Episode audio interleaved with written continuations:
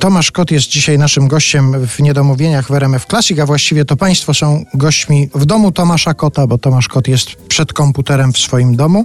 Takie hasło już się tutaj pojawiło w naszej rozmowie, ale Ty tak to delikatnie i sprytnie ominąłeś, bo powiedziałeś, że nie wiesz, czy jesteś przystojny. To ja Ci chciałem przeczytać coś, co znalazłem w jednym z komentarzy na takim filmowym portalu. Pamiętam, że w czasach skazanego i niani był przez małolaty uważany za jednego z najprzystojniejszych aktorów obok Zakościelnego i Małaszyńskiego. No, Doci- tak, byliśmy tak, tak, tak, tak. Docierały do ciebie takie sygnały. Wiesz co, tak, ja oczywiście, no wiesz, no to, to co będę mówił, no kurde, no to nie, nie mnie to oceniać, ja nie mam jakby, ja, ja wyznaję, jestem wielkim fanem tego, co powiedział Wiktor Osiatyński, on kiedyś powiedział takie piękne zdanie, zrób rano przedziałek na głowie i się odpier od siebie. I, I, po prostu jakby no, no, mniej więcej to, to jest to. Jest to no. ja więc nie analizuję tego. No dobrze, ale spotykasz się z jakimiś takimi zaskakującymi przejawami kultu na przykład? Spotykasz się? Są zaskakujące rzeczy. Na przykład zimna wojna przyniosła mi coś, czego się absolutnie nie spodziewałem. Nie zakładałem, że tak może być. Nagle zaczęli mnie zaczepiać na ulicy Staruszkowie. Tak naprawdę ten babuleńki. O Boże, proszę pana, widziałam je. I to, to było dla mnie takie nowe. I w pewnym momencie mój bardzo dobry znajomy Antoni, rocznik 47, znam go od lat. I on do mnie mówi, podpisz mi ten film. Mówi, ja już na ciebie będę zawsze inaczej patrzył. Ja mówię, czemu? Ja mówię, znamy się, weź mi to wyjaśnij. Ja mówię, ja w moim wieku doświadczyłem czegoś, czego nie zakładałem, że w ogóle się może pojawić. Mówię, patrząc na zimną wojnę, znowu się poczułem dzieckiem, małym chłopcem. Mówi, jesteś milczącym, palącym facetem i nie wiadomo, co się działo podczas wojny z tobą. Ja pamiętam takich ludzi z dzieciństwa i, i lata 50. ukazane w tym filmie i pewien rodzaj surowości, pewien rodzaj ciszy. To wszystko było udziałem jakby naszego dzieciństwa. Ci wszyscy ludzie pewnie dlatego może nawet sami nie wiedzą, ale muszą ci pomachać, bo, bo być może tak samo jak ja przez chwilę poczuli się dziećmi. A to jest wielki dar w moim wieku. I to było, wiesz, takie no przepiękne. Mhm. A ja jeszcze nawiązując do tych przejawów kultu, o które cię zapytałem, jeszcze znalazłem jeden cytat. W jakiejś dyskusji dotyczącej twoich różnych ról nagle pojawił się taki wpis, ale wy przynajmniej na polskim, chodzi o lekcję języka polskiego, na polskim nie musicie słuchać, jak to wasz nauczyciel sprawił, że pan Kot został aktorem, bo to niby profesor Dego do tego przekonał.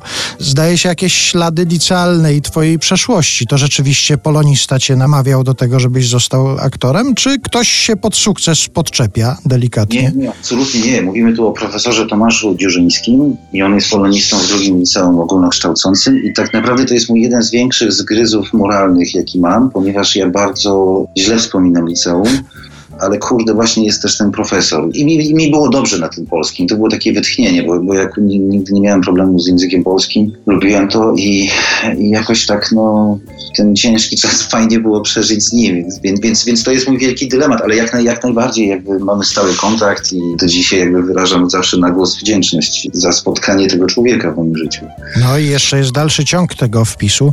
Mój znajomy siedzi w jego, czyli twojej, w jego ławce i prawie na każdej lekcji mu się to wypomina. Popatrz, czyli masz swoją ławkę, ślady zostawiłeś mocne. Jest co, tak, tylko coś ci powiem, bo to jest, jest jakaś taka też głębsza historia z tym. W tym samym liceum uczył się wcześniej Waldemar Krzystek, legniczanin i, i reżyser Małej Moskwy i tak dalej, i tak dalej. Teraz jakby, jak ja byłem w liceum, to słyszałem, że Krzystek od rana do wieczora siedział w bibliotece. Ja miałem takie wyrzuty, ja mówię, kurde, no tu super reżyser, nie, wybitny uczeń, nie, ja tak ciągle jakoś tu namiernych, matury nie zdałem finalnie i tak dalej. Nie, nie spotkaliśmy się na planie fotografa w Legnicy, no i dostałem jakąś taką prośbę, że może jak nas dwóch jest w jednym miejscu, w jednym czasie, to może byśmy jakieś takie duże spotkanie w szkole zorganizowali, a ja jakoś tak tam raz kiedyś poszedłem, a później żałowałem i pamiętam, ja mówię, kurde Waldek, ja mówię, tam oni chcą jakieś spotkanie zrobić i, i wtedy usłyszałem, jak było naprawdę.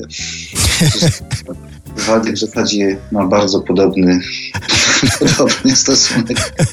Że ta biblioteka nie widziała go aż tak bardzo często. Tak, nie, nie, doszło do spotkania. Okazuje się, że tam oni go chcieli ciągle relegować, grozili, że gdzieś go tam wyrzucą, że, że ta mama będzie gdzieś do Złotoryi jeździła. Nie, jakby no nie odbyło się żadne spotkanie, bo nie było takiej możliwości. Być może jest tak, że ja też w tych opowieściach jestem w bibliotece od rana do wieczora i nie wiem, i, i, i mam chęć wytatuowania sobie, nie wiem, jakiegoś, jakiegoś teatralnego atrybutu na czole, ale, ale absolutnie tak. Tomasz Kot jest gościem Artura Andrusa w cyklu Niedomówienia bez wychodzenia w RMF Classic. Do rozmowy wracamy za chwilę.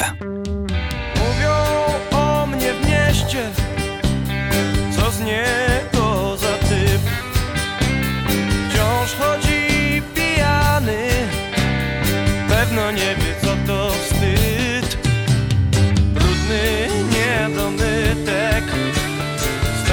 ciągle śpi.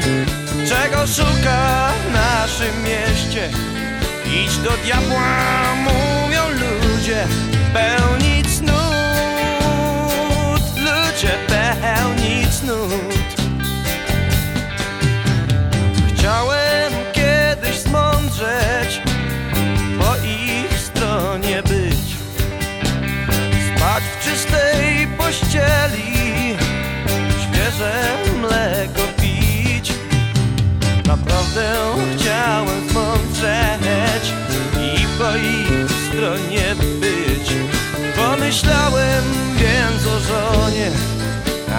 stać się jednym z nich, stać się jednym z nich, stać się jednym z nich. Już miałem na oku haciendę, wspaniałą, mówię wam. Lecz nie chciała tam zamieszkać żadna z pięknych dam. Wszystkie śmiały się wołając, za mną wciąż. Bardzo ładny frek masz Billy, ale kiepski byłby z ciebie mąż. Mm, kiepski